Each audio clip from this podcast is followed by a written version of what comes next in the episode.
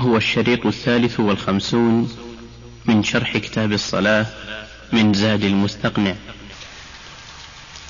نعم انتبه. إذا إذا اعتبرنا المسافة بالأميال والفراسخ فإن ما دونها ولو بشبر مو أنا قلت بذراع أو بمتر أقول بشبر. ليس بسفر يترخص فيه.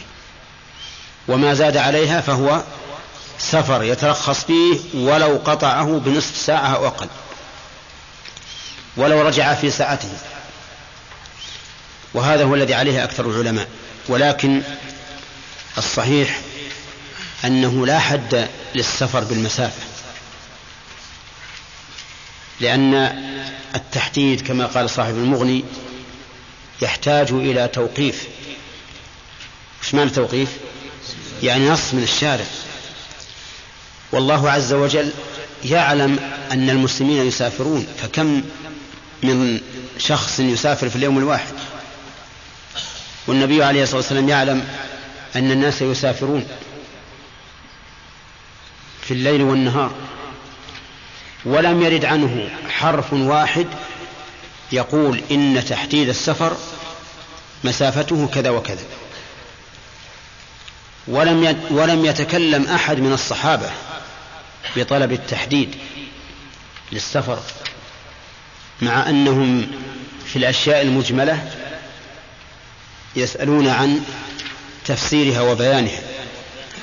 فلما لم يسألوا علم أن الأمر عندهم واضح وأن هذا معنى لغوي يرجع فيه إلى ما تقتضيه اللغة. إلى ما تقتضيه اللغة. وإذا كان كذلك ننظر هل للغة هل للسفر حد في اللغة العربية؟ لا. ما سماه الناس سفرا فهو سفر. إذا لم يرد عن النبي عليه الصلاة والسلام تحديد السفر بالمسافة. وال وال والآثار الواردة عن الصحابة مختلفة اختلافا عظيما حتى عن الواحد منهم تختلف. أحيانا يقيد السفر بما يقتضي أن يكون نصف ما قيده في موضع, في موضع آخر. إذا كان لم يرد عن الرسول عليه الصلاة والسلام تقييد السفر بالمسافة وليس هناك حقيقة لغوية تبين كان المرجع فيه إلى العرف. ويقول شيخ الإسلام رحمه الله إنه ليس عند النبي صلى الله عليه وسلم في عهده أناس مساحون يمسحون الأرض ويقيسونها بالذراع وبالأصابع وحبة الشعير وشعر البرذون. لأن هذه المسافة أربعة فرد تتحول في النهاية ها إلى شعرة شعرة الفرس. إلى شعرة الفرس لأنهم يقولون مثلا الميل كذا وكذا ذراعا والذراع كذا وكذا قدما والقدم كذا وكذا أصبعا والأصبع كذا وكذا حبة شعير وحبة الشعير كذا وكذا شعرة. ثم تنزل إلى أن يكون ما بين حبة الرمل وحبة الرمل الأخرى مسافة قصر أو عدم مسافة قصر. وهذا شيء يعني غريب. أن يقيد بهذا بهذا التقييد. فالصواب أن المرجع في ذلك إلى العرف وقد ثبت في صحيح مسلم عن أنس بن مالك رضي الله عنه قال كان النبي صلى الله عليه وسلم إذا خرج ثلاثة أميال أو فراسخ صلى ركعتين. ثلاثة أميال أو فراسخ الشك من شعبة. ثلاثة أميال أو فراسخ صلى ركعتين. ومعلوم ثلاثة فراسخ نسبتها إلى ستة عشر فرسخا. يسيرة جدا. طيب إذا الصحيح أنه لا حد للمسافة وإنما يرجع في ذلك إلى العرف. ولكن شيخ الإسلام ابن تيمية رحمه الله قال إن المسافة الطويلة في الزمن القصير سفر. والإقامة الطويلة في, في, في, في المسافة القصيرة سفر. وإذا اجتمع فالمسألة لا تخلو من أربع حالات. سفر طويل في مسافة طويلة. هذا سفر لا إشكال فيه. كما لو ذهب إلى مكة من القصيم وبقي مثلا عشرة أيام. هذا لا شك أنه سفر. آه، زمن قصير في مسافة قصيرة. هذا ليس بسفر. كما لو خرج مثلا من عنيزة إلى بريدة في ضحى يوم ورجع أو إلى الرص أو إلى أبعد من ذلك لكنه قريب لا يعد سفرا طويل آه، مسافة طويلة فهذا ليس بسفر.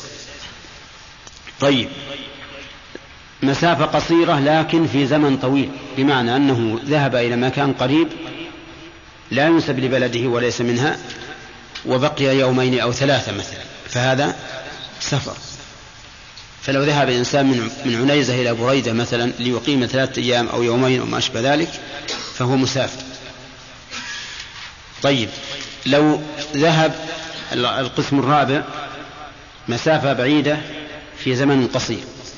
ذهب مثلا من القصيم إلى جدة في يومه ورجع فهذا يسمى سفرا. يسمى سفرا لأن الناس يتأهبون له ويرون أنهم مسافرون. طيب فإن أشكل عليك أحيانا يشكل هل إن هل يكون هذا سفرا عرفا أو لا؟ فهنا يتجاذب المسألة أصلان الأصل الأول أن السفر مفارقة محل الإقامة. فالأصل أن كل من خرج أو كل من فارق محل إقامته فهو مسافر وحينئذ نقول نأخذ بهذا الأصل. والأصل الثاني الذي يتجاذبه أن يقال الأصل الإقامة حتى يتحقق السفر. وما دام الإنسان شاكا في السفر فهو شاك هل هو مقيم أو مسافر والأصل الإقامة. وعلى هذا فنقول في مثل هذه الصورة الاحتياط أن تتم. الاحتياط أن تتم. لأن الأصل هو الإقامة حتى نتحقق أنه يسمى سفر أنه سفر. إذا هذه نقطة. هل يتقيد السفر بمسافة أو لا؟ نقول العلماء للعلماء في ذلك أكثر من عشرين قولا. أكثر من عشرين قولا في مسألة واحدة. ليش؟ لأنه ليس هناك نص فاصل. ليس هناك نص فاصل فلذلك اختلفوا فيه. ومن أجمل ما رأيت في نقل الآثار في هذا ما جمعه ابن حزم في المحلى فإنه جمع في ذلك آثارا لا تكاد تجدها في غيره. عن السلف. في اختلافهم في هذه المسألة. طيب. القول الراجح الذي تطمئن إليه النفس هو أنه أن السفر ما سماه الناس سفرا في عرفهم. يرجع في ذلك إلى العرف. طيب سن له قصر ربيعية أخذ المؤلف أفادنا بقول السنة أن القصر سنة. وهذا أيضا موضع خلاف. فعلى ما ذهب إليه المؤلف من أن القصر سنة نقول لو أتم فهل يأثم؟ ها؟ لا يأثم. هل يوصف بأن عمله مكروه؟ ها؟ ونقول هذا فعل مكروها؟ لا. لأننا نقول لا يلزم من ترك السنة الوقوع في المكروه. لا يلزم من هذا. ولهذا لو أن الإنسان لم يرفع يديه في الصلاة مثلا عند الركوع هل نقول إن هذا فعل ما يكره؟ لا. وهذه قاعدة قد مفيدة لطالب العلم أنه لا يلزم من ترك المستحب إيش؟ الوقوع في المكروه. وقال بعض أهل العلم إن الإتمام مكروه. إن الإتمام مكروه لأن ذلك خلاف هدي النبي صلى الله عليه وسلم المستمر الدائم. فإن الرسول صلى الله عليه وسلم ما كان ما أتم أبدا في سفر. وقال صلوا كما رأيتموني أصلي. فأقل ما نقول في الإتمام إنه مكروه. وهذا القول اختيار شيخ الإسلام ابن تيمية رحمه الله. وهو قول قوي بل لعله أقوى الأقوال. القول الثالث في المسألة أن القصر واجب أن القصر واجب وأن من أتم فهو آثم. ودليل هذا حديث عائشة رضي الله عنها. قالت أول ما فرضت الصلاة ركعتين ثم زيد في صلاة الحضر وأقرت صلاة السفر على الفريضة الأولى. فقال أول ما فرضت ركعتين. ثم قالت وأقرت صلاة السفر على الفريضة الأولى. وهذا قول صحابي يعلم الحكم ويعلم مدلول الألفاظ. وقد صرح بأن الركعتين فريضة فريضة المسافر. وفيه أيضا آثار أخرى عن ابن عباس وعمر وغيرهما. وأيضا يقول النبي عليه الصلاة والسلام صلوا كما رأيتموني أصلي. وهذا كما تدخل فيه الهيئة وهي كيفية يدخل فيه القدر وهو كمية. فكما أن الرسول صلى الله عليه وسلم في سفره لا يزيد على ركعتين أبدا فإن نقول الذي يريد أن يطبق هذا الحديث يصلي في الحضر كم؟ ها؟ يا إخواننا. الذي يريد أن يطبق هذا الحديث يصلي في الحضر. أربع. حصل الله يحصلنا ما نقول ثمانيا. كيف تقولون ركعتين؟ يصلي في الحضر أربعا وفي السفر ركعتين. يقول هكذا صلى النبي عليه الصلاة والسلام. وأنت قد أمرت أن تصلي كما صلى. فإذا صلي في الحضر ركعتين وفي في الحضر أربعا وفي السفر ركعتين. واضح يا جماعة؟ طيب هذا القول كما ترون قوي جدا جدا وكنت أقول به أولا. أقول بأن القصر في السفر واجب لحديث عائشة ولقول النبي عليه الصلاة والسلام صلوا كما رأيتم يصلي ولأن هذا فعله المستمر. ولكن يعرض يعارض القول بالوجوب. أصول. أولا أن المؤتم بالمقيم إذا كان مسافرا يصلي أربعا تبعا للإمام. ومتابعة الإمام واجبة لا شك. والزيادة على الفريضة تبطل الصلاة. ولهذا لو قام إمامك إلى ركعة خامسة وأنت تتيقن أنها الخامسة ها؟ وجب عليك أن تفارقه وأن لا تتابعه. فهنا نقول لو كان القصر واجبا لكانت متابعة الإمام في الإتمام حراما. كما لو صلى إنسان الفجر خلف من يصلي يصلي الظهر. فإن هذا الذي يصلي الفجر خلف من يصلي الظهر لا يمكن أن يتابعه على أربع. واضح؟ بل إذا قام للثالثة جلس.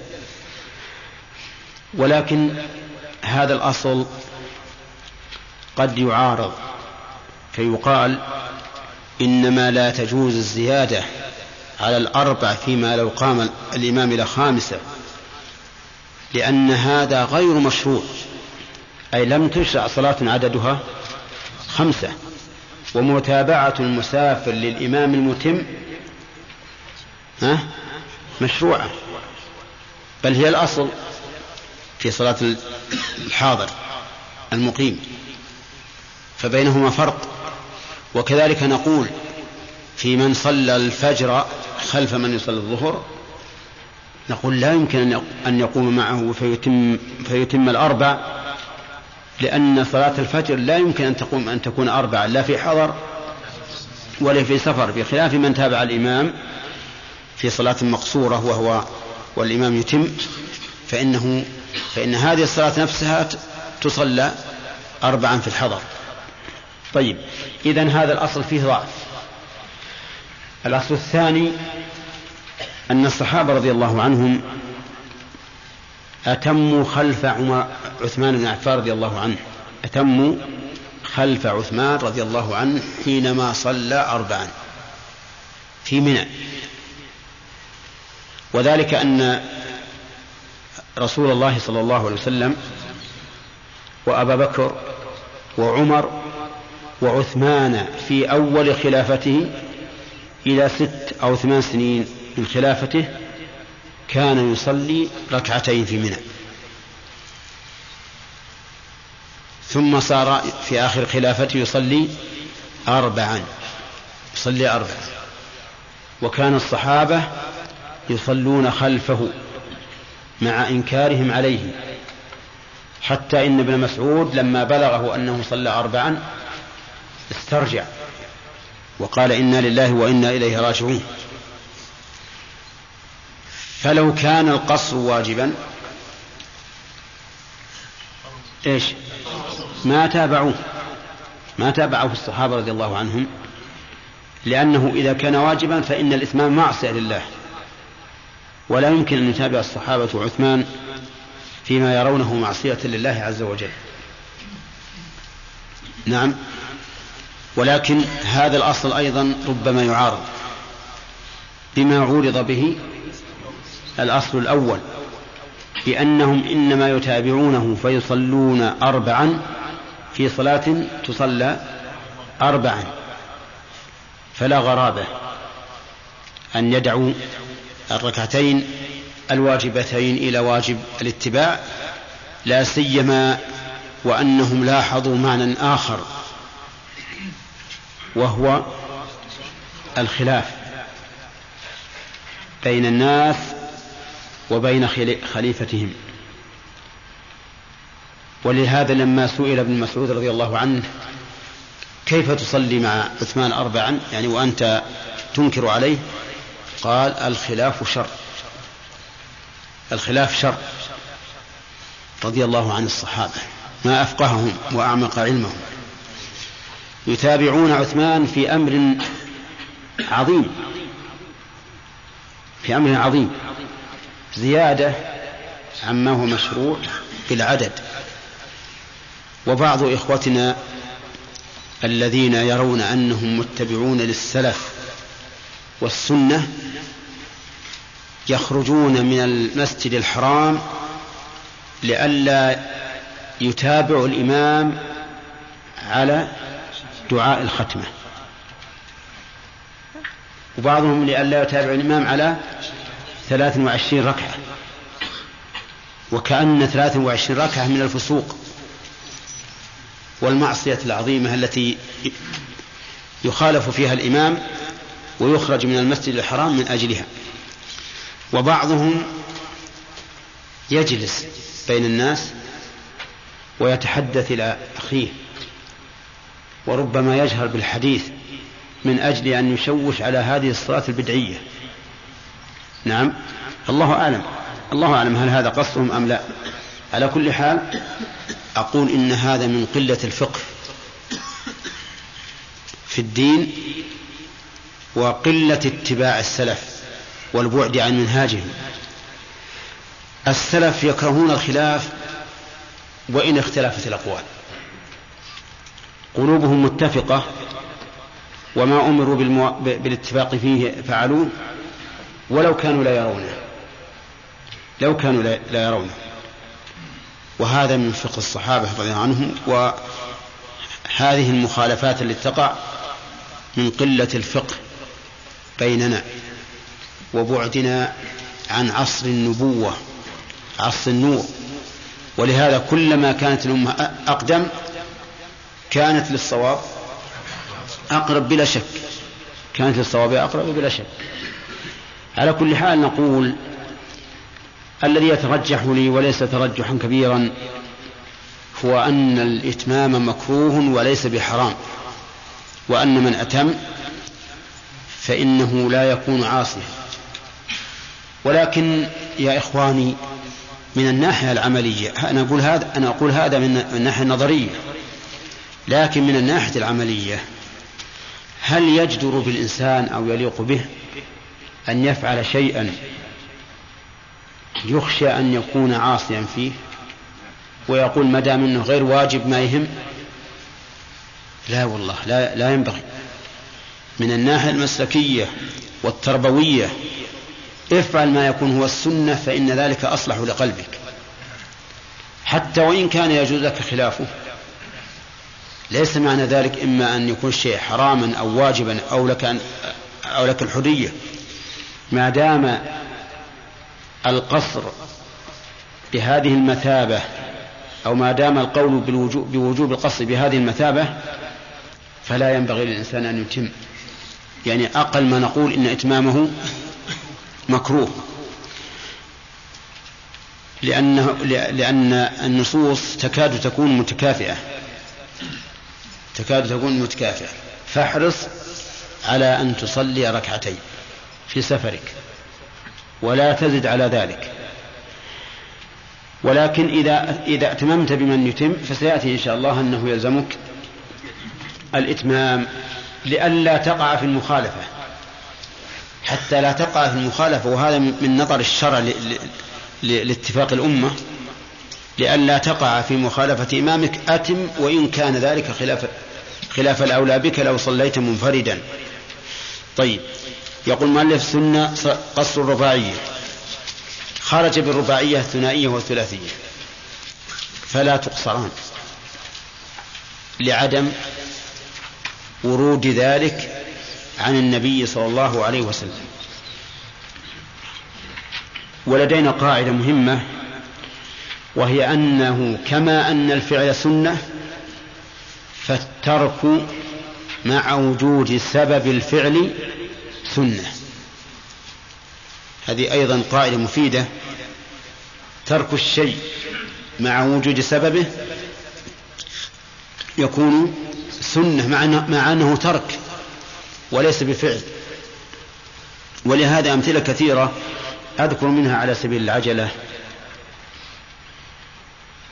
إذا دخل الإنسان المسجد هل يسن له أن يتسوك عند دخول المسجد؟ لا. وبعض العلماء قال بلى يسن له أن يتسوق مبنى ذلك على أن النبي صلى الله عليه وسلم كان إذا دخل بيته بدأ بالسواك.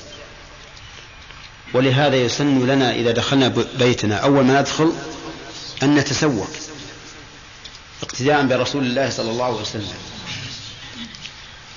فقاس بعض العلماء دخول المسجد على دخول البيت وقالوا إذا كان الإنسان يتسوق إذا دخل بيته من أجل أن يقابل أهله بطهارة فم فكذلك إذا دخل المسجد من أجل أن يناجي ربه بطهارة فم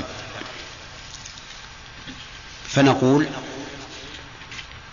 إن النبي صلى الله عليه وسلم كان يدخل المسجد ولم يرد عنه أنه كان إذا دخل المسجد بدأ بالسواك. ولو كان هذا سنة لفعله النبي عليه الصلاة والسلام. إذا فالسنة تركه السنة أن لا يتسوك عند دخول المسجد بناء على أن سبب سواكه دخول المسجد.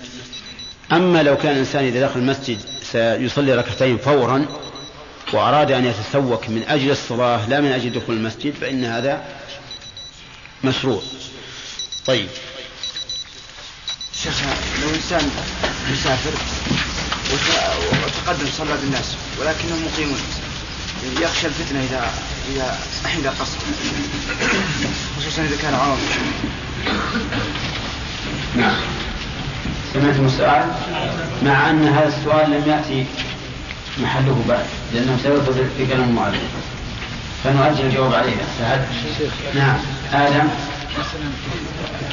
بعض الطلاب مثلا يجي من جدة أو يجي من في بلد بعيد ويكون في الجامعة.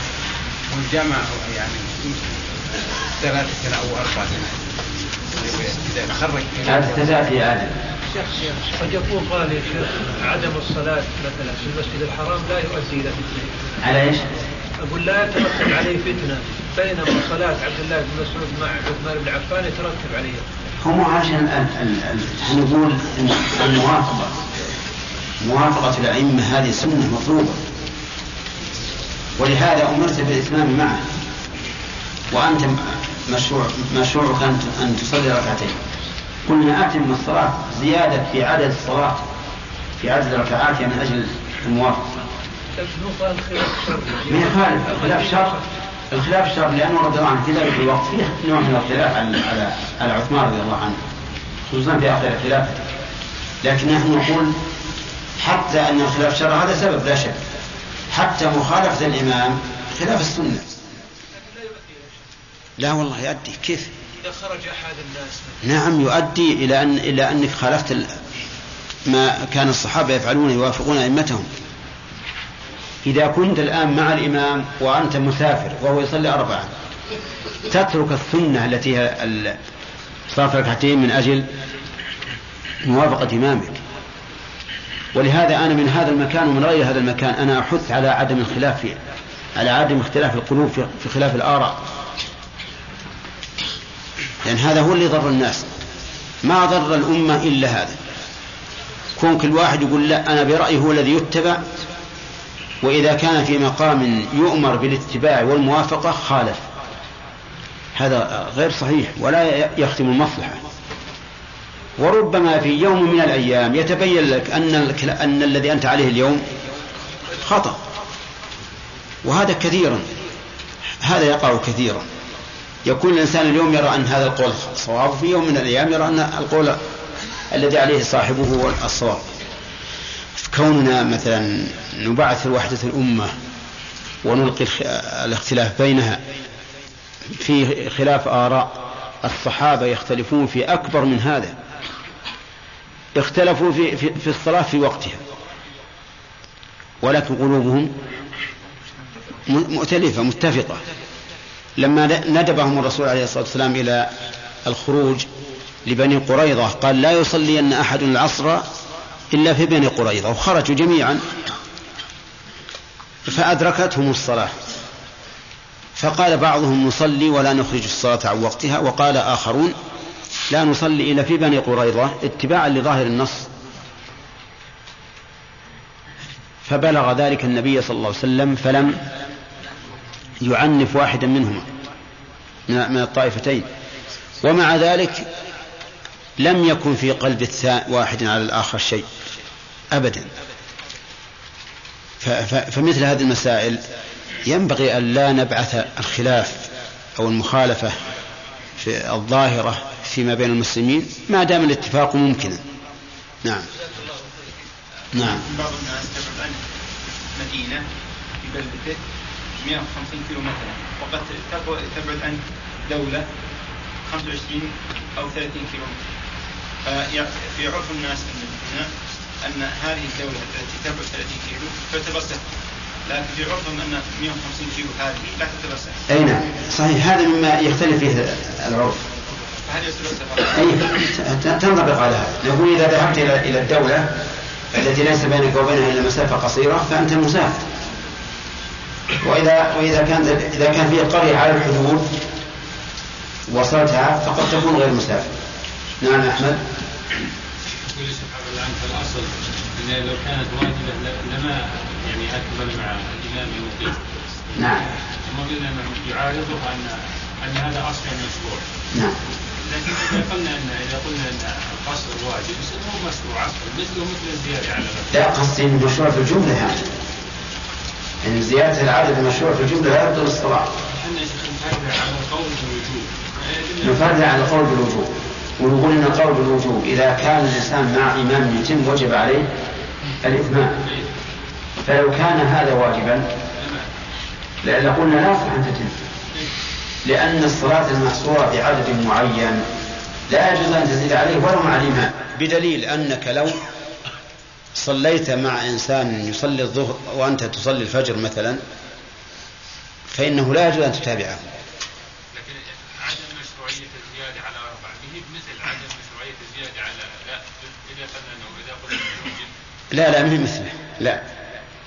ما هي مثله. ولذلك لو, لو زاد على الركعتين عند القائل بالوجوب فإن كثير منهم يقول لا تبطل الصلاة لكن يكون آثما. نعم. ما هو الدليل على صحة الختمة؟ صحة الختمة لا ما في دليل. بل الدليل على أنها ليست مشروعة في الصلاة. على أن دعاء ختم القرآن في الصلاة ليس بمشروع. لأن أعلم فيه أنه ورد عن بعض السلف أو عن بعض الصحابة أنهم كانوا إذا أتموا القر- القرآن في بيوتهم جمعوا أهليهم, ودعوا الله. أما في نفس الصلاة فلن فلم نعلم في ذلك لا عن الصحابة ولا عن النبي عليه الصلاة والسلام. أي نعم. فلماذا لا تكون بدعة يا شيخ؟ لأنها في الصلاة. نعم. لماذا لا تقول؟ لأنها فيها تأويل. فالذي- فالذين استحبوها من العلماء ليسوا من أهل البدع من أهل السنة. وقاسوا حال الصلاة على حال ما كان خارج الصلاة. هنا من قوله نعم أنا أقول أنا ما أنا ما لست أوافق على أنها مشروعة. لكن أنا أقول إذا كانت محل خلاف ومحل اجتهاد فلا تخرج من من من المسجد من أجلها. الإمام أحمد رضي الله عنه ورحمه يرى أن القنوت في الفجر ليس بسنة. ومع هذا يقول إذا أتم بر- بإمام يقنت في الفجر فإنه يتابع الإمام ويؤمن على دعائه. كل هذا من أجل الاتفاق. يعني الحقيقة أنتم ما تعرفون قدر الاتفاق. الاتفاق هذا مهم جدا.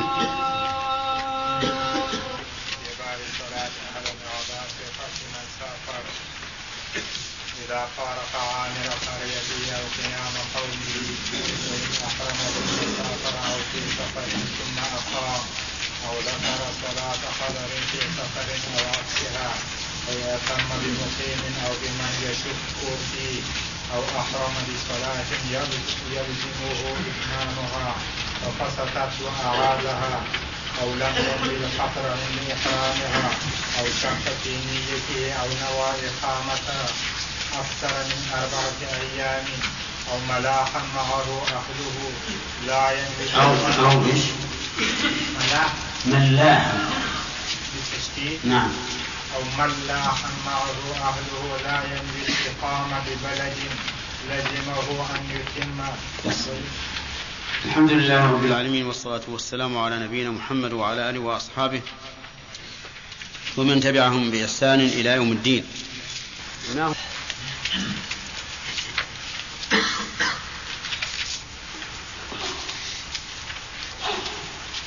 الذين قالوا بوجوب القصر يا آدم ما هو دليلهم؟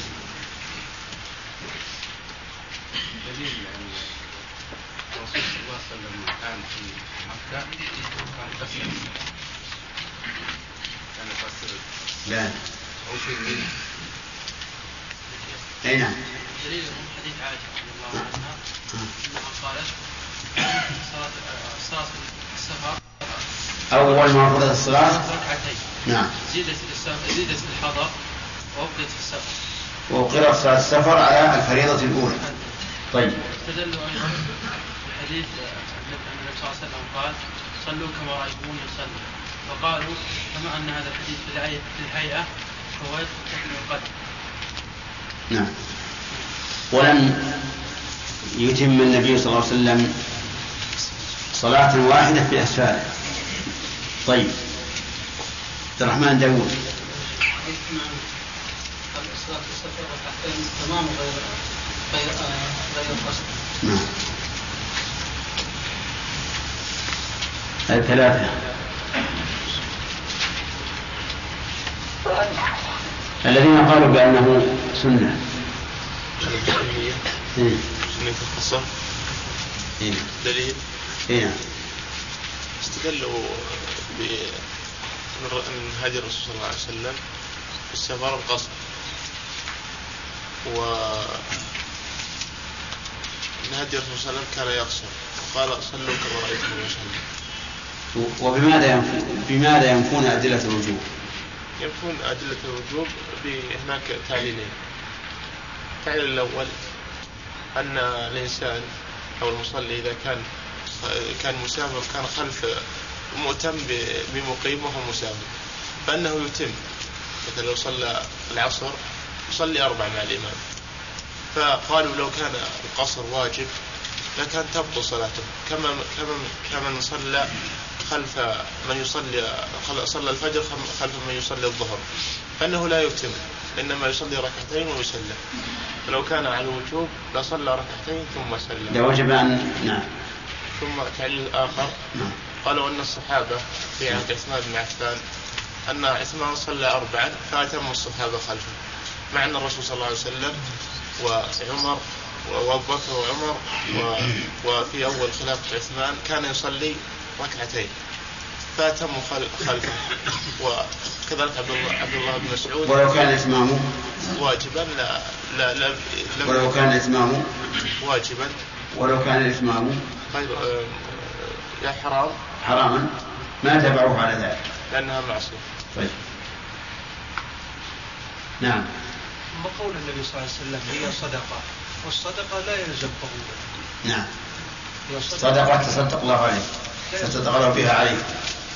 طيب. هذا موقف الدليل قالوا إن الرسول قال فاقبلوا صدقته فرد هذا بأن الأمر هنا للإباحة. يعني بمعنى اقبلوا صدقتها يعني لا تردوها. لا تردوها. على كل حال نحن رجحنا أن القول بأنه مستحب لا واجب أقرب قليلا إلى الصواب. ولا سيما عندما يقرأ قوله تعالى فلا جناح عليكم أن تقصروا من الصلاة. إن خفتم يفتنكم لن يكبروا. فإن هذا يدل على أن الصلاة كانت أولا أكثر من ذلك. طيب. ومع هذا نقول يكره للإنسان أن يتم ولا ينبغي للإنسان أن يعرض صلاته للخطر. أما بالنسبة لصلاته إذا أتم فإن ذكرنا آه أننا لا نعلم ماذا يقول القائلون بوجوب القصر. لكن رأيت مذهب أبي حنيفة رحمه الله حسب كتب أصحابه أنه إن جلس للتشهد ثم قام فأتم فصلاته صحيحة. جعل للثنتين الزائدتين نفلا. ولما تشهد تمت الصلاة الأولى وإن لم يسلم. أما إذا لم يتشهد التشهد الأول الأوسط فإن صلاته تبطل. وفيه قول ثاني في مذهبهم أن صلاته إذا أتم تبطل مطلقا لأنه أتى بركعات زائدة محرمة فبطلت الصلاة. ثم قال المؤلف رحمه الله إذا فارق عامر قريته هذا الشرط شرط للقصر الفعلي يعني لا يقصر إلا إذا فارق عامر قريته. إذا فارق عامر قريته. انتبه. المفارقة ليس المراد بها إذا غابت عن نظره لأنها ربما لا تغيب عن نظره إلا بعد مسافة طويلة. وقد ذكر أن زرقاء اليمامة تبصر من مسيرة ثلاثة أيام من مسيرة ثلاثة أيام. فالمراد بالمفارقة المفارقة البدنية لا المفارقة البصرية. المفارقة البدنية بمعنى أن يتجاوز البيوت أن يتجاوز البيوت. ولو بمقدار ذراع. فإذا خرج عن مسامة البيوت ولو بمقدار ذراع فإنه يعتبر مفارقا. وقوله عامر قريته لم يقل بيوت قريته بل قال عامر لأنه قد يكون هناك بيوت قديمة في أطراف البلد هجرت وتركت ولم تسكن فهذه لا عبرة بها. العبرة بالعامر من القرية. فإذا قدر أن هذه القرية كانت معمورة كلها ثم نزح أهلها أو أو انصاعوا إلى جانب آخر وهجرت البيوت التي من من من هذا الجانب فلم يبق فيها سكان.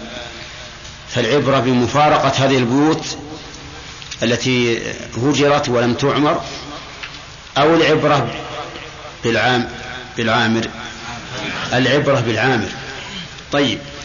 فإن كانت القرية بيوت عامرة ثم بيوت خربة لا تسكن ثم بيوت عامرة ها العبرة بمفارقة البيوت العامرة. وإن كان يتخللها بيوت بيوت غير غير عامرة. طيب. وقوله إذا فارق عامر قريته أضافها إلى نفسه قريته يعني التي هو التي يسكنها. فلو فرض أن هناك قريتين متجاورتين ولو لم يكن بينهما إلا ذراع أو أقل فإن العبرة بمفارقة إيش؟ قريته هو. وإن لم يفارق القرية الثانية الملاصقة. أو المجاورة. ولهذا قال, قال إذا فارق عامر قريته. طيب. أو خيام قومه. كيف خيام قومه؟ يعني إذا كانوا يسكنون الخيام. فالعبرة بمفارقة الخيام. إذا فارق الخيام الخيام حل له القصر وعلم من كلامه رحمه الله. أنه لا يجوز أن يقصر ما دام في قريته ولو كان عازما على السير ولو كان مرتحلا ولو كان راكبا يمشي بين البيوت فإنه لا يقصر لا يقصر حتى يبرز وذلك لأن النبي صلى الله عليه وسلم كان لا يقصر إلا إذا خرج. إذا خرج وارتحل قصر. أما ما دام في البلد فإنه كان لا يقصر عليه الصلاة والسلام. ولأن السفر هو أن يسفر الإنسان ويبرز ويخرج كما سبق أن السفر مفارقة محل الإقامة. ومن كان في محل إقامته فإنه ليس مسافرا. قال المؤلف إذا فارق عامر قرته أو خيام قومه. طيب في في القصيم الآن. إذا خرج الإنسان إلى المطار هل يقصر في المطار؟ ها؟ نعم يقصر. لأنه فارق عامر قريته. جميع القرى التي حول المطار منفصلة عنه. أما من كان من سكان المطار فإنه لا يقصر في المطار. لماذا؟ لأنه لم لم يفارق عامر قريته. طيب وهل له أن يفطر في المطار؟ نعم. نعم له أن يفطر. له أن يفطر يعني لو أراد أن يسافر في رمضان وخرج وبقي في المطار ينتظر الطائرة وأقصد بذلك مطار القصيم فإنه يفطر لأنه فارق عامر قريته. طيب لو قدر أن أن الطائرة لم تنزل ولم يحصل السفر ذلك اليوم هل يعيد الصلاة التي كان قصرها؟ أه؟ لا لأنه أتى بها بأمر الله موافقة لشرعه. أتى بها بأمره موافقة لشرعه. فتكون مقبولة لقول النبي صلى الله عليه وسلم من عمل عملا ليس عليه أمرنا فهو رد فمفهومه من عمل عملا عليه أمر الله ورسوله فهو قبول. طيب هل يلزمه إذا رجع وهو, صا... وهو مفطر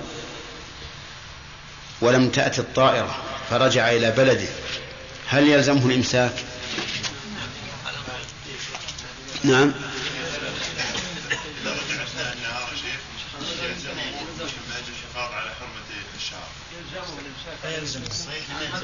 في فيه قولان للعلماء. فيه قولان لأهل العلم والصحيح أنه لا يلزمه. الصحيح أنه لا يلزمه وذلك لأنه أفطر بعذر شرعي على وجه مباح. فزالت حرمة النهار في حقه. زالت حرمة النهار في حقه فبقي آخر النهار غير محترم بالنسبة له. طيب. يقول وإن أحرم ثم سافر. أحرم ثم سافر. طيب فيه سؤال. هذا رجل سافر من أجل أن يترخص. سافر من أجل أن يترخص. هل يترخص؟ لأن السفر حرام. ولأنه يعاقب بنقيض قصده من أراد التحيل على إسقاط الواجب أو فعل المحرم. طيب الرجل التائه إنسان تائه طائع خرج من بلد من بلده يتمشى فجاء هبت رياح أضلته عن الطريق فصار تائها. يطلب الطريق ولكنه لم يهتدي إليه. ماذا نقول؟ يقول إن يقولون إنه لا يقصر لأنه لم ينوي المسافة المعينة وكذلك من خرج لطلب بعير شارد يطلبه يقول فإنه لا يقصر لأنه لم ينوي المسافة. ولكن الصحيح أنه يقصر لأن كل هؤلاء على سفر. يقول وإن أحرم ثم سافر. أحرم يعني دخل في الصلاة. دخل في الصلاة. فالدخول في الصلاة يعتبر إحراما ولهذا نسمي التكبيرة الأولى تكبيرة الإحرام. فهذا رجل أحرم يعني كبر للإحرام ثم سافر. كيف يكبر ثم يسافر؟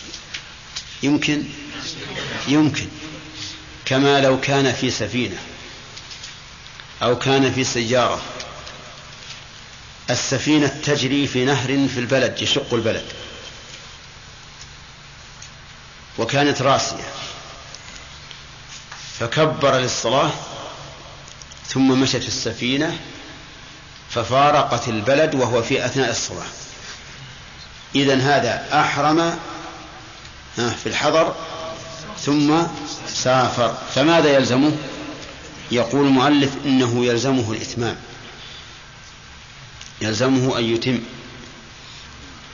لأنه ابتدأ الصلاة في حال يلزمه إتمامها يلزمه أن يتم.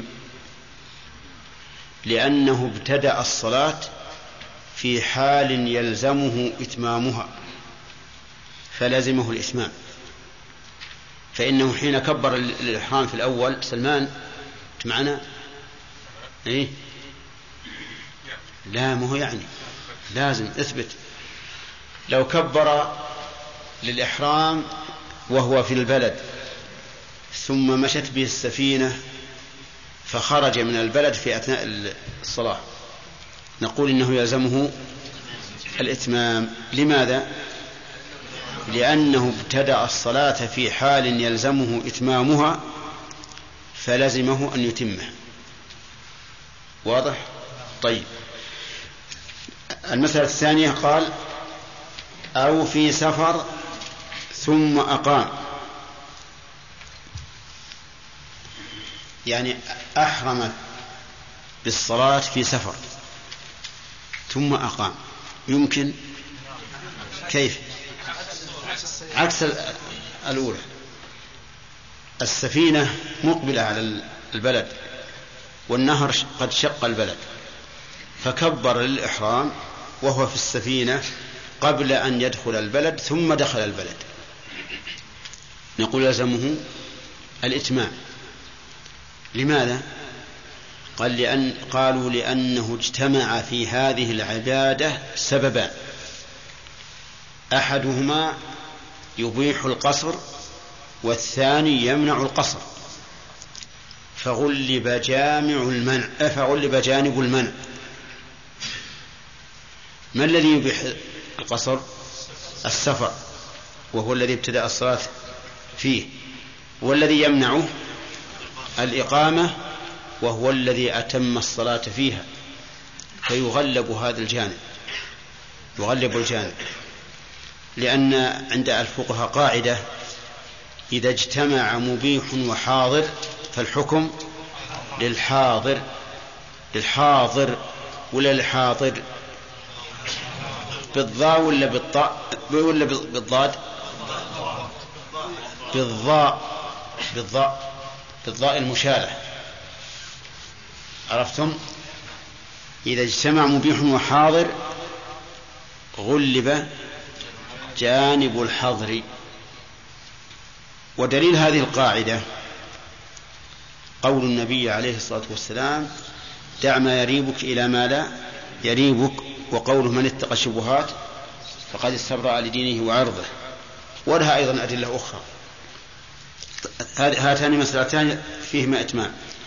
قال المؤلف أو ذكر صلاة حضر في سفر. ذكر صلاة حضر في سفر. رجل مسافر. وفي أثناء السفر ذكر أنه صلى الفجر وعليه جنابة. يتم ولا لا؟ تمام.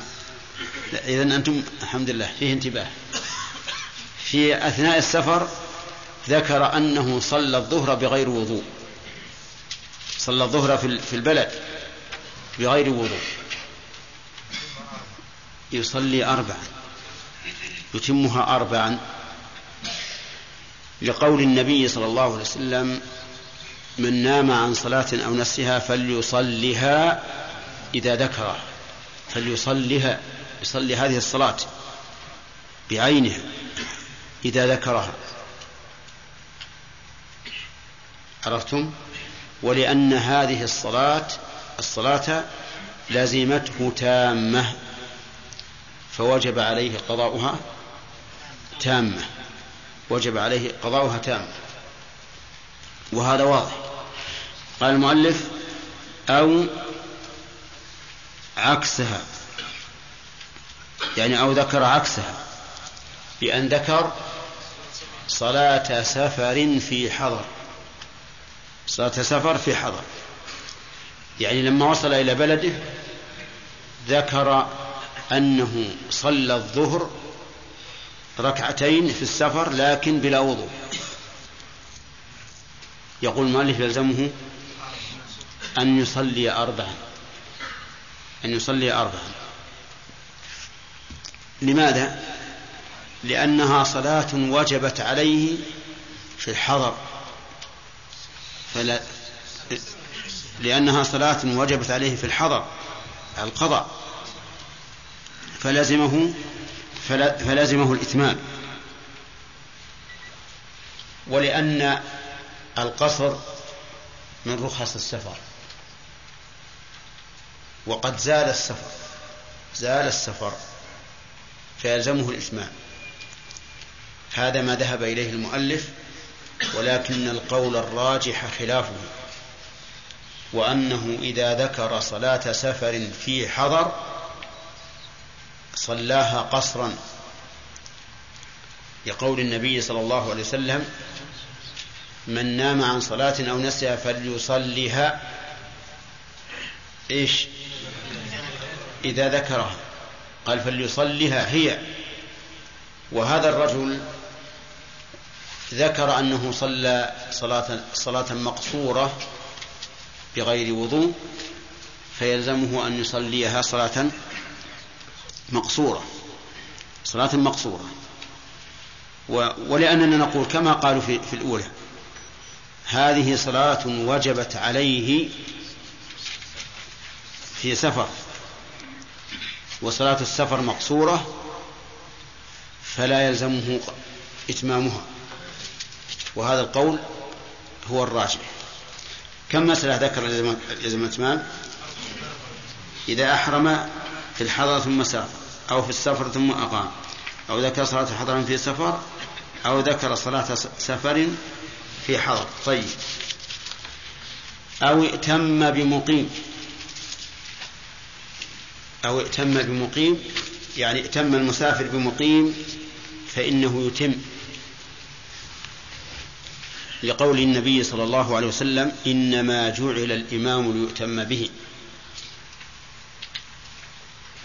ولقوله ما أدركتم فصلوا وما فاتكم فأتموا. فقال ما أدركتم فصلوا. فيشمل كل ما أدرك الإنسان. وما فاته فليتم. ولأن ابن عباس سئل ما بال الرجل المسافر؟ يصلي ركعتين ومع الإمام أربعا فقال تلك هي السنة. ولأن الصحابة رضي الله عنهم كانوا يصلون خلف عثمان بن عفان وهم في سفر يصلون أربعا في منى. فهذه آه، أدلة ثلاثة أو أربعة أربعة. كلها تدل على أن الإنسان على أن المأموم يتبع إمامه. طيب فإن قال إنسان إذا أدرك من صلاة الإمام ركعة من صلاة الرباعية فكم يأتي؟ فبكم يأتي؟ يأتي بثلاث. وإن أدرك ركعتين أتى بركعتين وإن أدرك ثلاثا أتى بركعة وإن أدرك التشهد أتى بأربع أتى بأربع لعموم قوله صلى الله عليه وسلم وما فاتكم فأتموا. طيب أو بمن يشك فيه يعني ائتم بمن يشك فيه هل هو مسافر أو مقيم؟ وهذا إنما يكون في محل يكثر فيه المقيمون والمسافرون. مثل المطار. المطار فيه مقيمون وفيه مسافرون. أحيانا يكونون بعلامة وأحيانا يكون بغير علامة. إن كانوا بعلامة فالأمر ظاهر. فمثلا إذا رأينا جنديا في المطار فهو مقيم. إذا رأينا شخصا يحمل حقيبة سفر فهو مسافر إذا شككنا ولم يوجد قرينة تؤيد أنه مسافر أو أنه مقيم فإنه يلزمه أن يتم. يلزمه أن يتم. لماذا؟ قالوا لأن من شرط القصر أن أن ينويه بنية جازمة لا مع التردد. والإنسان إذا أتم بمن يشك فيه ما لا يدري هل هو مسافر فيصلي معه ركعتين أو مقيم فيصلي معه أربعا. طيب فإن قال حينما رأى الإمام إماما يصلي بالناس في مكان خليط ما بين المسافرين ومقيمين. إن قال إن أتم إمامي أتممت وإن قصر قصرت. هل يصح؟ ها؟ قالوا إنه يصح. قالوا إنه يصح. وإن كان معلقا لأن هذا التعليق يطابق الواقع. هذا التعليق يطابق الواقع. فإن إمامه إن قصر إن قصر ففرضه هو القصر. وإن أتم ففرضه الإتمام قالوا هذا لا يضر. هذا التعليق لا يضر. لأنه تعليق مطابق للواقع شرعا. وعليه فيدخل معه إن أتم أتم وإن قصر قصر. وليس هذا من باب الشك لكن هذا من باب تعليق الفعل بأسبابه. حلق الفعل اللي هو الإتمام والقصر بأسباب القصر أو الإتمام. ما سبب القصر؟ قصر الإمام في هذه الحال. وسبب الإتمام إتمام الإمام نعم. أو بمن يشك فيه. أو أحرم بصلاة يلزمه إتمامها ففسدت وأعادها. نعم. إذا أحرم بصلاة يلزمه إتمامها ففسدت وأعادها. قوله أو أحرم يعني بذلك المسافر. أحرم بصلاة يلزمه إتمامها. مثل نعم لو ائتم بمقيم فرضنا أنه مسافر وأتم بمقيم فقد أحرم بصلاة إيش؟ يلزمه إتمامها. فسدت الصلاة. ثم أعادها فإنه يلزمه الإتمام. مثاله أحرم مع الإمام في في في إقامة. يعني خلف إمام مقيم دخل معه يصلي الظهر خلف هذا الإمام المقيم. كم يلزمه؟ أربع ركعات. صح؟ طيب. في أثناء الصلاة أحدث. هذا المأموم في أثناء الصلاة أحدث وانصرف وتوضأ ورجع. ووجد الناس قد صلوا فأراد أن يصلي لنفسه. ماذا نقول له؟ يلزمك أن تصلي أربعا. يلزمك أن تصلي أربعا. لماذا؟ لأن هذه الصلاة إعادة لصلاة يجب إتمامها. فإنك حينما شرعت في صلاة الظهر أولا لزمك أن تصلي أربعا. فيلزمك الآن فالصلاة وجبت في ذمتك أربعا. فيلزمك أربعا. يلزمك أن تصلي أربعا. فهم آدم؟ كأنها لم تعجبك. عرفت؟ طيب. كيف يتم يصلي على لأن لأنه شرع مع الإمام في صلاة يلزمه إتمامها. أي المهم طيب كأن الأخ آدم يعارض في هذه المسألة. في مسألة ثانية. فيه المسألة الثانية آه، دخل مع الإمام المقيم وهو مسافر. ولما في شرع في الصلاة ذكر أنه على غير وضوء على غير وضوء. يجب عليه أن ينصرف. انصرف وتوضأ فلما رجع وجد الناس قد صلوا. فما الذي يلزمه هنا؟ نعم لا يلزمه الإتمام. لا يلزمه الإتمام. لأن المؤلف يقول أو أحرم بصلاة يلزمه إتمامها ففسدت فدل قوله ففسدت على أن الفساد طارئ. أما إذا إذا ذكر أنه صلى أن أنه صلى بغير وضوء فإن الصلاة لم تنعقد أصلا. وعلى هذا فيلزمه فلا يلزمه الإتمام. في المسألة الثانية وهي ما إذا ذكر في أثناء الصلاة أنه لم ي... على غير وضوء لا يلزمه الإتمام. المسألة الأولى إذا فسدت بعد أن انعقدت يقول المؤلف إنه يلزمه الإتمام ويقول آدم لا أسلم لهذا. نعم. ولعل قول آدم آه، قريب قريب من الصواب. وذلك لأن الصلاة الأولى التي شرع فيها إنما يلزمه إتمامها إيش؟ تبع لإمامه. تبعا لإمامه. لا من أصل فهي في ذمته مقصورة لكن يلزمه الإتمام تبعا لإمامه. والآن وبعد أن فسدت ها؟ زالت التبعية. زالت التبعية فلا يلزمه إلا صلاة إلا صلاة مقصورة. وهذا التعليل أقوى من التعليل الذي ذكروه رحمهم الله.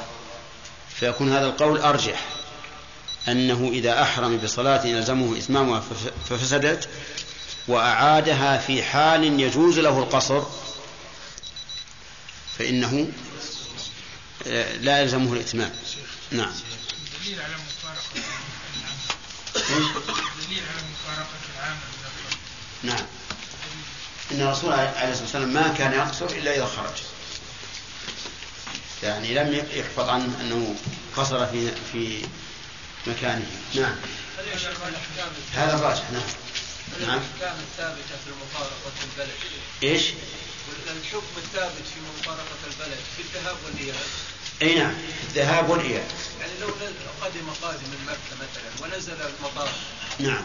وهو يؤذن لصلاه الفجر صلاة الفجر؟ وهو يؤذن لصلاة الفجر في شهر رمضان. نعم. هل يفطر؟ هنا نوع الأفطار. يعني ما ما ما نوى الصوم. قدم من مكه الآن. إي نعم. وقدم إلى أهله. نعم نعم نعم نعم. لا هو يفطر. نعم. حتى لو كان ما بينه وبين البلد آه، خمس لو كان بينه وبين البلد خمسة سنتي إي لا عاد خمس سنتي والله ما اذا إذا آه، مفارقة البلد. نعم. يعني ما أدري. هل هي يعني لا واضح. إذا فارق عامر قريته عامر القرية. لكن ينسقط عليه. لا لا عاد خمس ما أظن أظل مسألة تقريبية السنتي كم؟ ما هو شيء. لو قلنا المفارقة العرفية نعم. لو قلنا مفارقة عرفية. أي نعم. إذا قلنا مفارقة عرفية فالناس من يوم يخرج من البلد يقال مفارقة. ولهذا لما أقبلوا على الكوفة مع علي بن أبي طالب أقبلوا على الكوفة ينظرونه قريبة صلى ركعتين فسألوا قال إنا لم ندخلها. إنا لم ندخلها. وهذا يدل على أن العبرة بنفس البلد. نعم. في قولنا أن الإنسان إذا كان مسافر أحرم في صلاته وهو مسافر ثم دخل البلد فإنه يتم. معنى القول بقصر الصلاة بالوجوب قول قوي. ألا يكون معيار القول يعني ألا يكون مرجح القصر والعكس. لا لأنه السبب لأن هذه الصلاة الآن اجتمعت فيها سببان مبيح وحاضر. تغلب جانب الحظر لكن هناك حظر وهو تمام الصلاة. أي.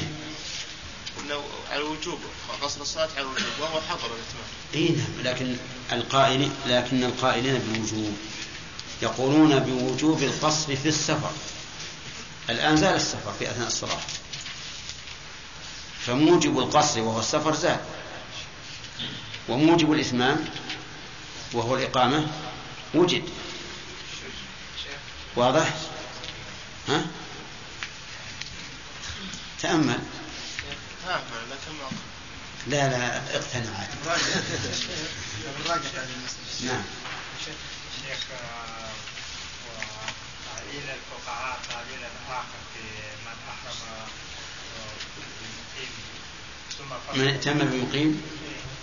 من ائتم سافر أحرم بمقيم. بمقيم. أحرم. يعني ائتم ائتم بإمام مقيم. وبعد فسد الصلاة. فسد الصلاة يعني أحدث. وخرج من المسجد وتوضأ يجزم عليه الأربع لأجل هذا لأنه كل من نوى شيئا فهو كالمنثور عليه. يعني هذا لزم عليه حتى يصلي أربعة لأنه كالمنثور أي نعم. يعني هذا أيضا تعيين لا بأس به. أنه لما شرع فيها تامة لزمت لأنه التزم بها تامة لكن هؤلاء يقولون التزم بها تامة ثم بطلت. ذلك هذا الصيام كذلك وهذا التعليم. وكذلك الصيام لو لو أنه شرع في الصيام ثم أفطر وجب عليه الإتمام وجب عليه القضاء. الصيام مستحب لا ما يلزم. صحيح أنه لا يلزم إذا أذن المؤذن ثم شرع في- السفر المسافر بعد ما شرع هل تلزم يعني إتمام الصلاة؟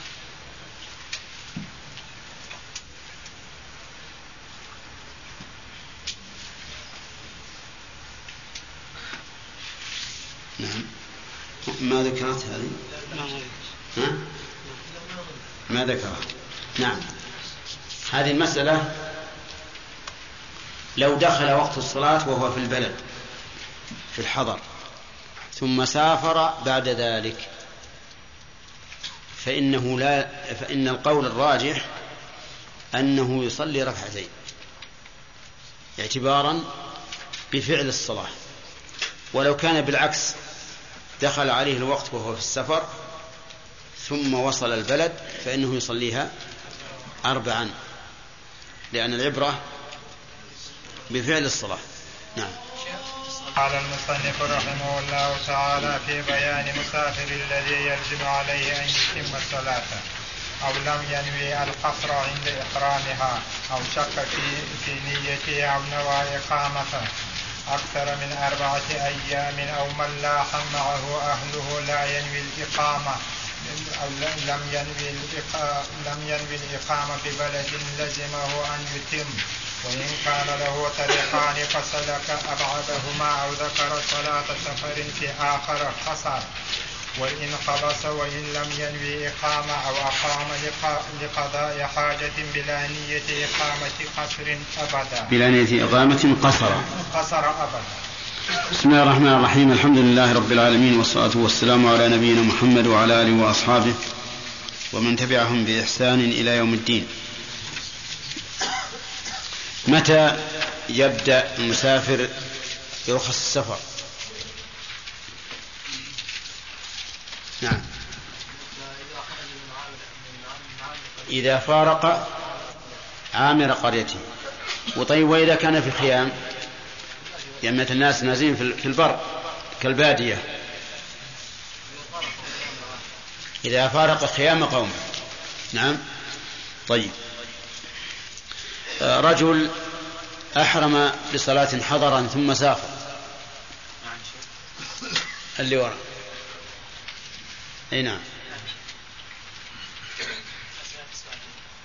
رجل أحرم بالصلاة وهو حاضرا ثم سافر في أثناء الصلاة.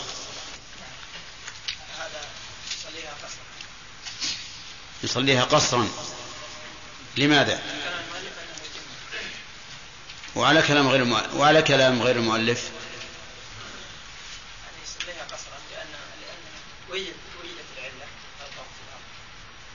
لكن ابتدأه وهو مقيم.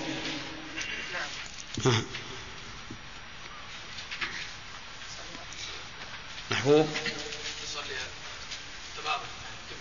يصليها تماما. ولم نذكر نحن قولا آخر. طيب. علل أنت يا محبوب قول قول صلى الله عليه وسلم دع ما يريبك إلى ما إلى ما لا- لا يريبك وهنا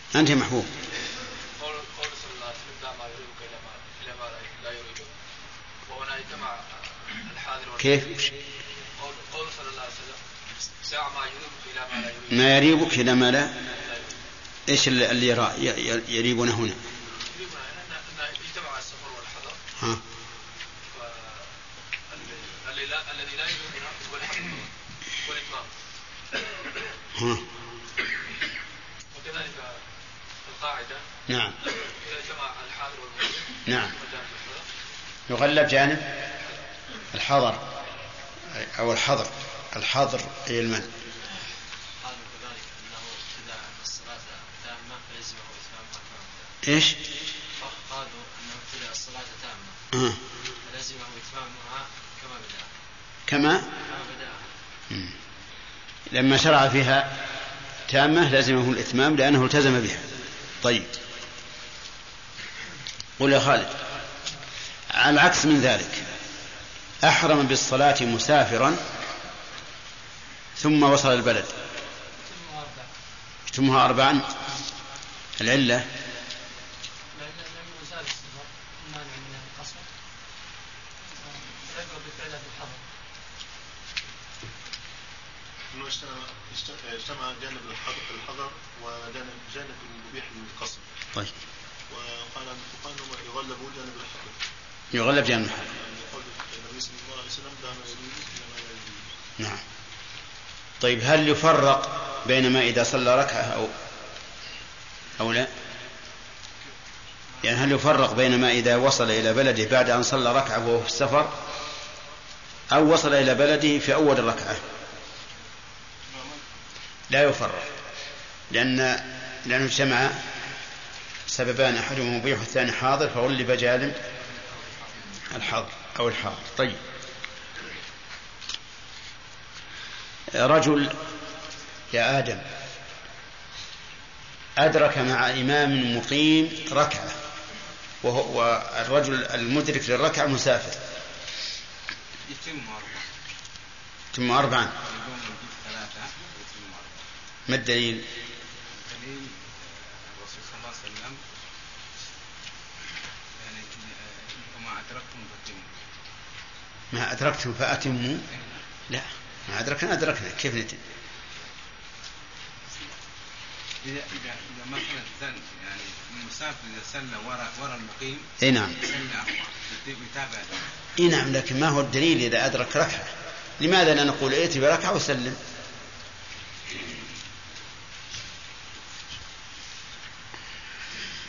نسيت الله.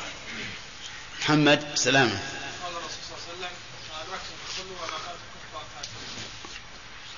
وجه الدلالة من هذا الحديث؟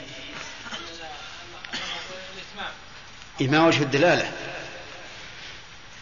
أننا أدركت الصلاة أول الصلاة الرباعية لكن لو قال قائل هذا في الحضر.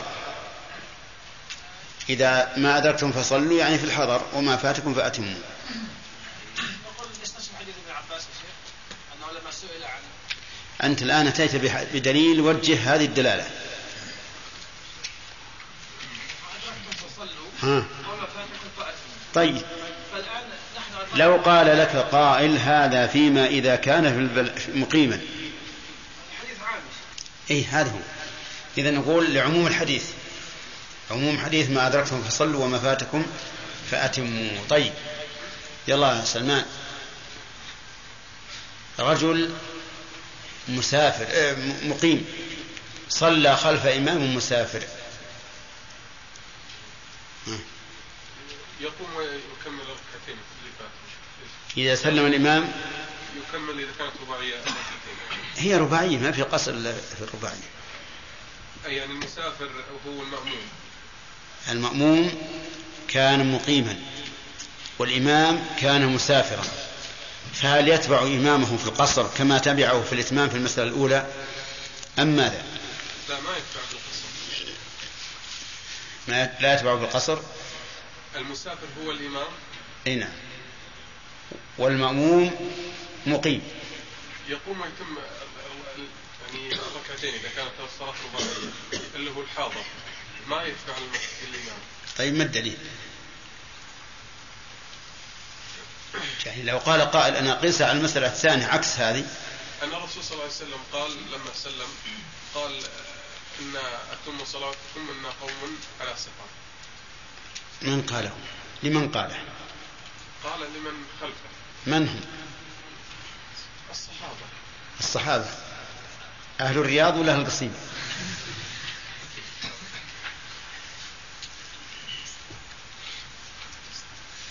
أو حد- حديث الرسول طيب صلى الله عليه وسلم يقول وما فاتكم فأتموا. طيب ما فاتنا شيء. الإمام صلى ركعتين وجلس وسلم وأنا داخل معه من أول الصلاة لأن ما له أي حق يعني أنه يقصر. كلمة ما له أي حق هذه ما هي ما, هي ما هو جواب. طيب. أي نعم. اللي ذكر الأخ عن حديث عن النبي صلى الله عليه وسلم أنه قال أنا قوم على سفر يشير إلى أص- الصحابة من أهل مكة. إلى أهل مكة. كان يصلي بهم مع ما فاتح فيقول يا أهل مكة أتموا فإن قوم سفر. تمام؟ طيب. رجل ذكر صلاة حضر- حضر في سفر. ذكر صلاة حضر في سفر. يتم. تم نعم. متأكد؟ نعم لما مد لزم عليها أربعا والإعادة لما لزم. نعم. ولا فيه دليل. هذا صحيح. هذا التعليل جيد. ما في دليل؟ والدليل قول الرسول صلى الله عليه وسلم من نام أو نسي من نام عن الصلاة أو نسيها آه، فليصلي ما ذكر. فليصلها ما ذكر. إذا ذكر. إذا ذكر. طيب وجه الدلالة؟ يعني فليصلي ما هو معين الصلاة المعين الذي لزم عليه. تمام. فليصلها ها هذه تعين الصلاة. ولهذا لو قضى صلاة نهار في ليل أسر. ولو قضى صلاة ليل في نهار جهر. طيب. يلا ياسر رجل ذكر صلاة سفر في حضر. نعم في قول على قول المؤلف انه يتم ان يجتمع به وعلى قول المؤلف انه يقصر الصلاه بحيث يعني في قولان. القول الأول أنه يتم. نعم. والقول الثاني أنه يصلي. صلاه والقول الثاني يصلي. نعم. لعموم قوله فليصلها إذا ذكر. يعني يصلي هذه الصلاة المعينة على صفتها إذا ذكرها ولأن القضاء يحكي الأداء. هذه قاعدة فقهية. القضاء يحكي الأداء. يعني يكون شبهة مماثلا له. طيب آه إنسان في المطار أنت اللي مددت يدك. أنا بسألك إنسان في المطار فوجد رجلا يصلي بجماعة وشك هل هو من المسافرين أم من المقيمين؟ فهل يلزمه الإتمام أو يجوز له القصر؟ نقول يعني إذا كان يعني هناك اناس نرى في الذين نرى أو جنود مثلا فانه يعني اذا كان مسافرا فانه يعني اذا كان امام يعني من أهل المطار فانه يتم ولكن يعني قد يعلق يقول ان اتم امام منه قصر قصر نحن ذكرنا أن ثلاثة أقسام. ها. أن يوجد عليه علامة السفر أن يوجد عليه علامة الإقامة. فهنا إن وجد عليه علامة الإقامة أتم أو علامة السفر قصر.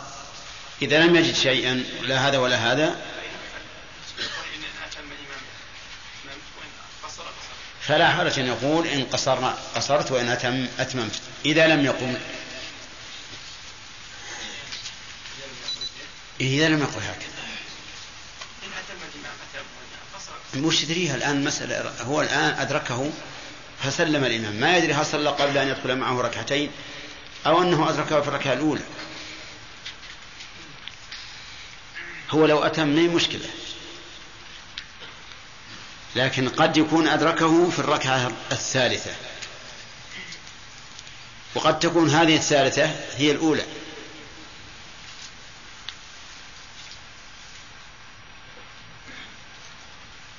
أحمد؟ يلزمه أن يتم. نعم. نعم. لأنه شك. يعني شك في, في, السبب المبيح للقصر فيلزمه أن يتم. طيب.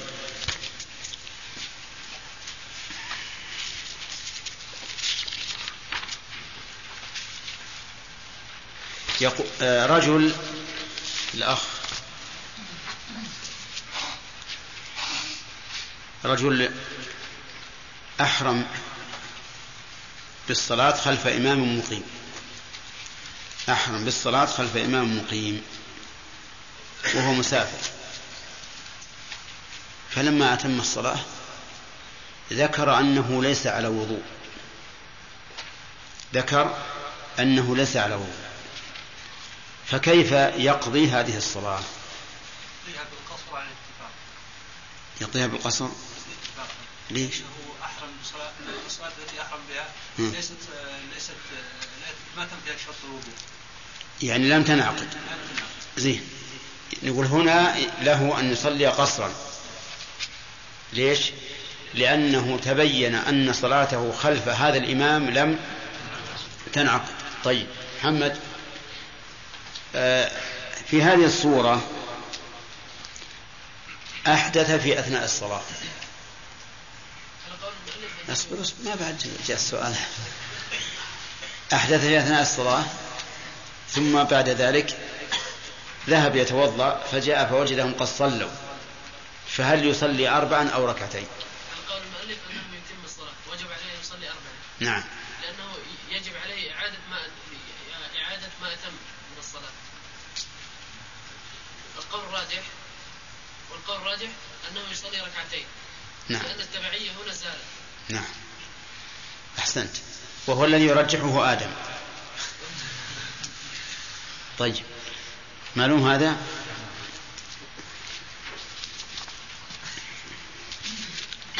انتهى أظن. قال المؤلف رحمه الله أو لم ين أو لم ينوي القصر عند إحرامها. هذه من المسائل أيضا. ما أدري كم تكون. ها؟ السادسة.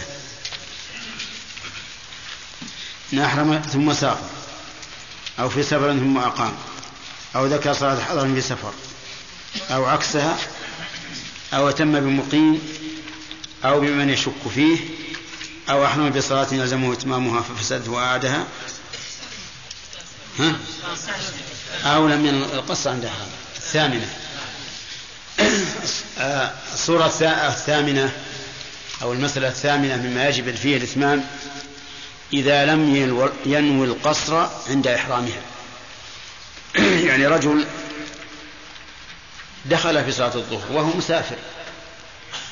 لكن على العادة نوى صلاة الظهر ولم يشعر أو لم يس- يستحضر تلك الساعة أنه مسافر لينويها ركعتين.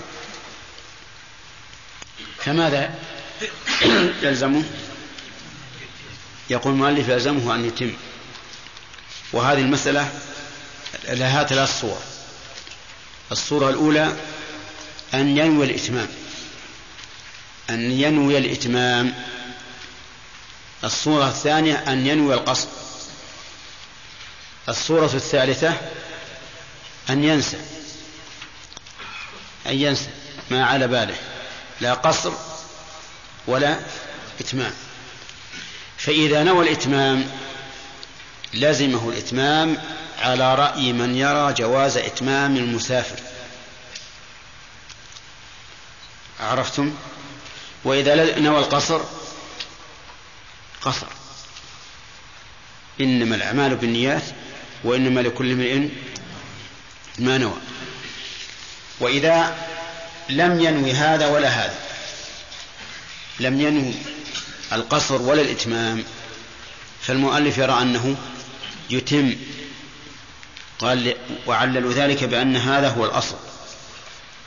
الأصل وجوب الإتمام فإذا لم ينوي القصر لزمه الأصل وهو وهو الإتمام. هذا ما ذهب إليه المؤلف رحمه الله. والقول الثاني في المسألة أنه إذا لم ينوي القصر قصر يقصر لأن الأصل في صلاة المسافر القصر. وما دمنا نعلل بأنه, بأنه الأصل فنقول ما هو الأصل في صلاة المسافر؟ القصر. إذا يقصر وإن لم ينوي. يقصر وإن لم ينوي. وهذا يقع كثيرا. يكبر الإنسان في في الصلاة الرباعية وهو مسافر ولا يخطر على باله القصر. لكن بعد ما يكبر أو يقرأ. ويقرأ الفاتحة أو يركع أو ما أشبه يذكر أنه مسافر. فين... فينوي القصر على كلام المؤلف يجب عليه الإتمام والصحيح أنه لا يلزمه الإتمام بل يقصر لأنه الأصل لأنه الأصل. التاسعة قال أو شك في نيته شك في نيته أي في نية القصر يعني شك هل نوى القصر أم لم ينوي؟ يلزمه الإتمام.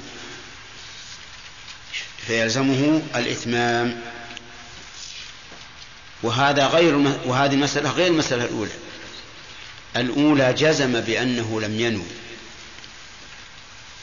الثاني الشك هل نوى أم لا أم لا. فيرى المؤلف أنه يلزمه الإتمام. العلة لأن الأصل عدم النية وقد ذكرنا قاعدة فيما سبق أن من شك في وجود شيء أو عدمه فالأصل العدم. فهنا شك هل نوى القصر أم لا نقول الأصل عدم النية. وإذا لم وإذا لم ينوي القصر لزمه الإتمام. معلوم هذا؟ هذه المسألة وجوب الإتمام في هذه المسألة أضعف من وجوب الإتمام في المسألة التي قبلها وهي إذا جزم بأنه لم ينوي. فإذا كان القول الصحيح في المسألة الأولى أنه يقصر كان القول بجواز القصر في هذه المسألة من باب أولى. وعلى هذا فنقول إذا شك هل نوى القصر أم لم ينوه فإنه يقصر. ولا يلزمه الإتمام. لأن الأصل في صلاة المسافر هو القصر. أو نعم أو شك بنيته. المسألة العاشرة. قال أو نوى إقامة أكثر من أربعة أيام. أو نوى أي المسافر. إقامة أكثر من أربعة أيام. في أي مكان كان. سواء نوى الإقامة في البر أو نوى الإقامة في بلد. إذا نوى إقامة أكثر من أربعة أيام في مكان لازمه أن يتم. إذا نوى إقامة أكثر من أربعة أيام في البلد كرجل سافر إلى العمرة ونوى أن يقيم في مكة أسبوعا. فيلزمه الإتمام لأنه نوى إقامة أكثر من أربعة أيام. مثال الإقامة في غير بلد رجل مسافر انتهى إلى غدير. أتعرفون الغدير؟ مجتمع مياه السيول. فأعجبه المكان. فنزل وقال سأبقى في هذا المكان لأن الجو معتدل والوقت ربيع. سأبقى لمدة أسبوع في هذا المكان. يلزمه أن يتم يلزمه أن يتم لأنه نوى إقامة أكثر من أربعة أيام. طيب هل هو مسافر أو غير مسافر؟ هو مسافر لا شك هو مسافر ولم ينوي الإقامة إلا خمسة أيام فقط ثم يرجع لأهله أو أسبوعا ثم يرجع لأهله فهو مسافر. طيب إذا ما الدليل على أنه يقص على أنه يقصر في هذه المدة ويتم فيما زاد على أربعة أيام. الدليل على هذا هو أن النبي صلى الله عليه وسلم قدم مكة في حجة الوداع. قدمها يوم الأحد الرابع من ذي الحجة. وأقام فيها الأحد والاثنين والثلاثة والأربعة. وخرج يوم الخميس إلى منى. خرج يوم الخميس إلى منى فأقام في مكة أربعة أيام يقصر الصلاة. عرفتم؟ طيب. إذا نأخذ من هذا أن المسافر إذا نوى إقامة أربعة أيام فإنه يقصر. لفعل النبي صلى الله عليه وسلم ونحن نعلم علم اليقين أن الرسول صلى الله عليه وسلم قد عزم على أن يبقى هذه الأيام الأربعة. لماذا علمنا؟ ها؟ لأنه قدم للحج ولا يمكن أن ينصرف قبل الحج. إذا فضروري أنه نوى إقامة أربعة أيام. طيب فإذا قال قائل إقامة النبي صلى الله عليه وسلم هذه الأيام الأربعة هل هي هل وقعت اتفاقا؟ يعني بلا قصد أو عن قصد؟ فالجواب أنها وقعت اتفاقا بلا شك. يعني أن رحلته عليه الصلاة والسلام صادفت القدوم في اليوم الرابع من ذي الحجة لأنه لم يرد عنه أنه قال إننا سنقدم في اليوم الرابع أو حدد يوما معينا للقدوم. حتى نقول إن هذا القدوم وقع عن قصد لكنه وقع كما يقع للمسافر يقدم قبل بيوم أو بعد بيوم كما هي العادة. فإذا قال قائل ألا يمكن أن نقول إنه لو أقام خمسة أيام يقصر ما دمتم قلتم إنه وقع إيش؟ اتفاقا لا قصدا قل قلنا بلسان المؤلف رحمه الله قلنا الأصل أن إقامة المسافر في أي مكان تقطع السفر. هذا الأصل. عندهم الأصل أن إقامة المسافر في أي مكان تقطع السفر. لأن المعروف أن المسافر يسير ولا ينزل إلا ضحوة أو عشية. أما أن ينزل أكثر من ذلك فإن هذا خلاف الأصل.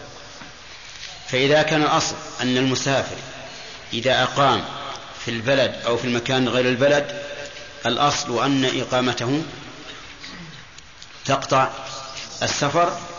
فنقول سومح في الأيام الأربعة لأن النبي صلى الله عليه وسلم أقامها ولم ينقطع السفر في حقه. أيها الإخوة في الله تتمنى لكم مؤسسة الاستقامة الإسلامية للإنتاج والتوزيع في عنيزة والتي قامت بإخراج هذه المادة.